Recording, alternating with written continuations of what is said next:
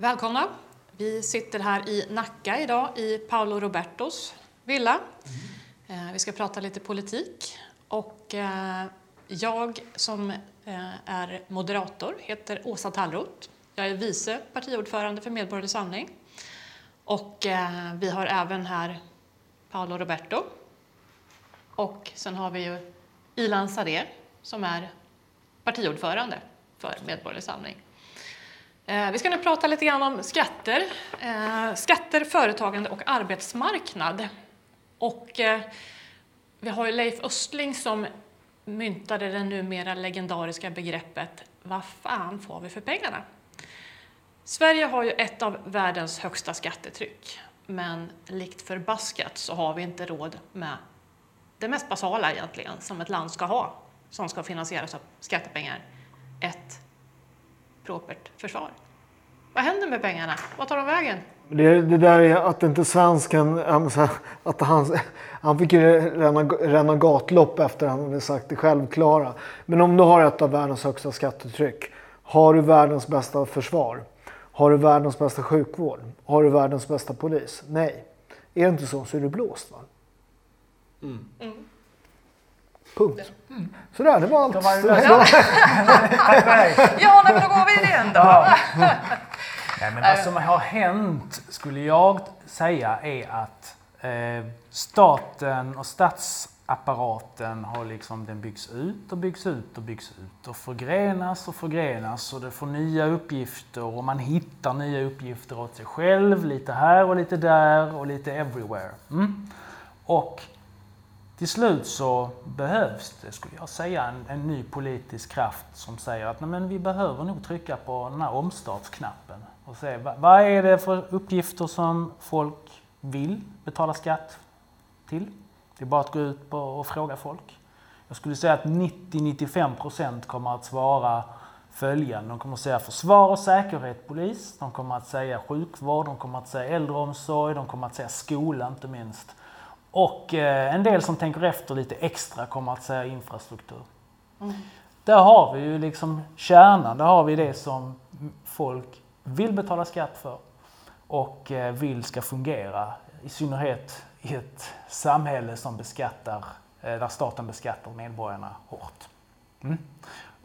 Och därav Leif Östlings befogade fråga. Därför att det läcker ju på alla håll och kanter. Mm. Jag kan råda alla som tittar att, att gå in på skatteupproret.se. Eh, en ganska kul hemsida, eller skrämmande hemsida kanske man ska säga, men det är en ganska bra karikatyr som möter en när man går in på sidan. Men det är som liksom ett rör och så läcker det på alla håll och kanter och sen så på andra, i andra änden av röret så står liksom läkaren och polisen och vad det nu är för någonting och får inte mycket Därför att det hinner gå till en massa andra saker på vägen. Det läcker ut eh, på vägen då till mm. olika... Men problemet rent politiskt, varför det är svårt att få någon ändring i det här, det är att då Sveriges största parti, som de senaste hundra åren har styrt 75, eh, det ironiska med det partiet är när det liksom att de går ut och protesterar mot sig själv. Liksom. Allt som är fel i det här landet, det är de som har skapat. Punkt. Problemet med hela det här är att vi har skapat ett system där vi har folk som jobbar med att betala ut bidrag och folk som tar emot bidrag. De är de stora, liksom.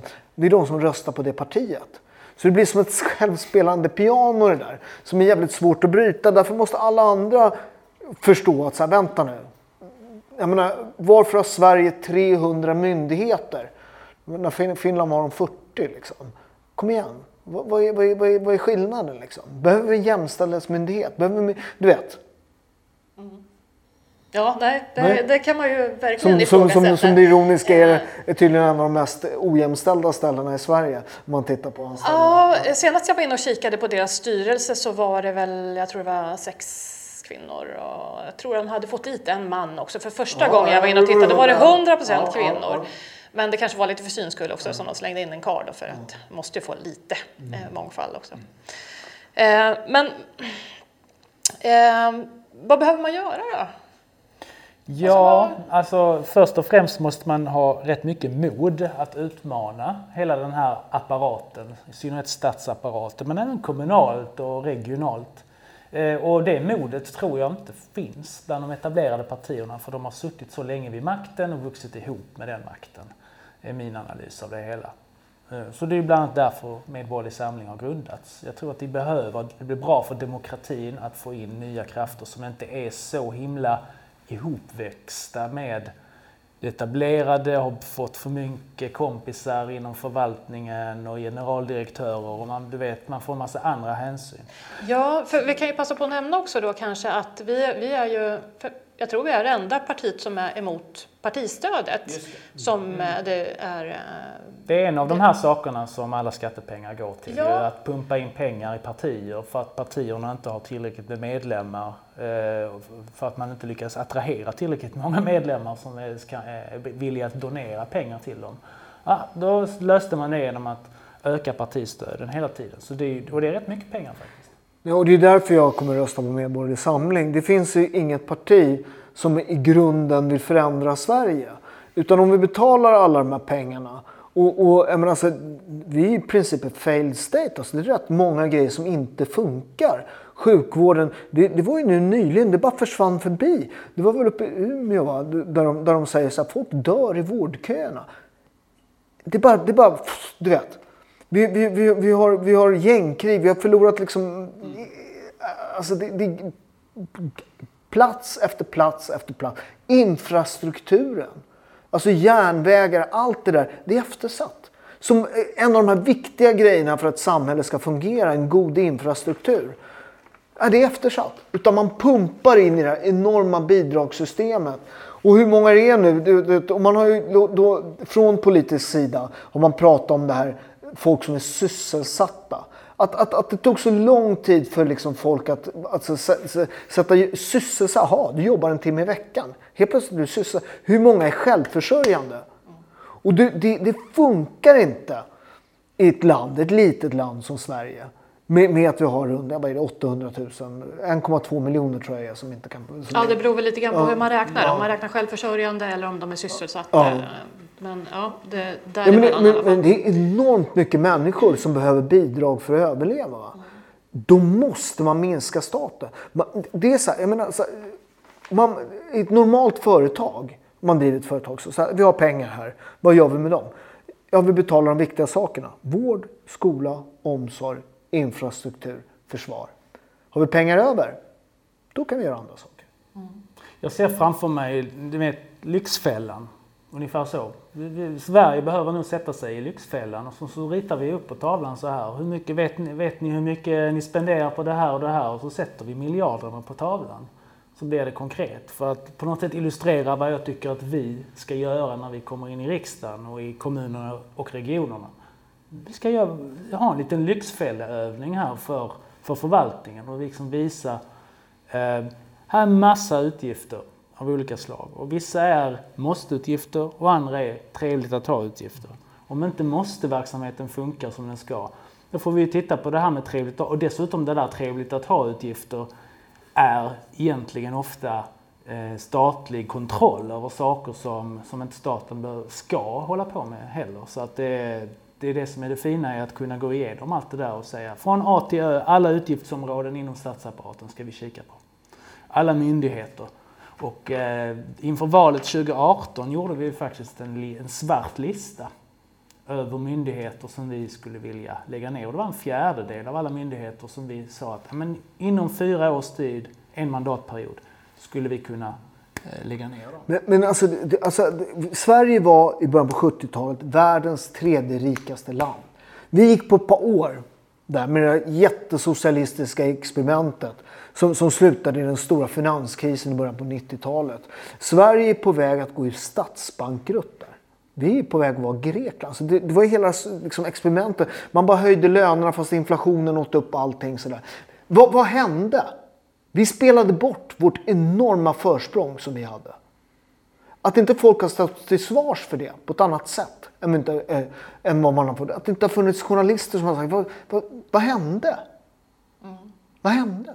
Ja, jag tror folk behöver reflektera lite mer över, man behöver höja blicken, titta lite grann på vad var vi då, var är vi nu och vart kommer vi vara om tio år? Va? Ja, men du behöver en journalistkår som granskar det här.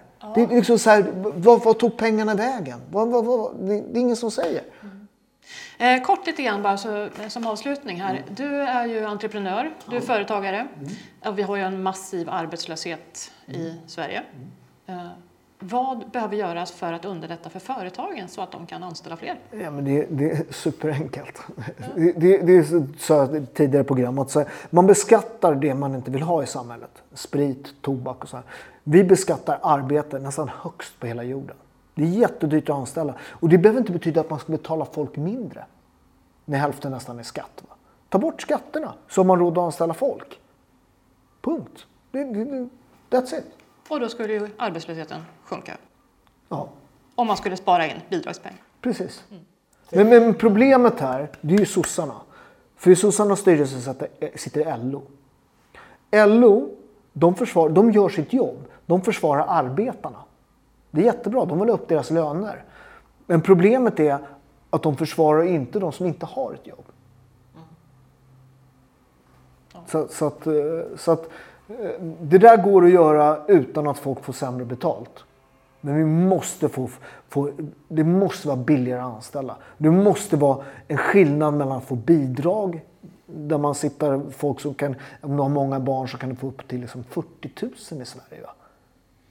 Ja, det är sjuka Alltså summor kom som igen. man kan lyfta Ja, i bidrag. ja. Och det, är inte ja, men det, måste finnas inte... en skillnad. Ja. Det, är helt, det är klart att folk vill jobba då.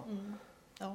Mm. Och sen har vi ju vissa branscher som är ganska hårt drabbade av regelkrångel och nya pålagor som kommer hela tiden. För att man ska uppfylla det ena och det andra, dokumentera väldigt mycket. Ta jordbruket, ta eh, ja, varenda företagare egentligen ska ju liksom mer och mer sköta tillsynen över sig själv genom att fylla i en massa dokument och fylla i och, och skicka till, till re- respektive myndighet. Och det ger någon slags känsla av att vi har kontroll, men det är, det är bara en ökad byråkratisering. Så att det där behöver man eh, verkligen också se över. Ja, minskad byråkrati, lägre skatter, så får vi ner arbetslösheten. Där hör du Magdalena Andersson. Med det får vi säga tack och adjö därifrån. Tack ska ni ha. Tack själv. Hej då.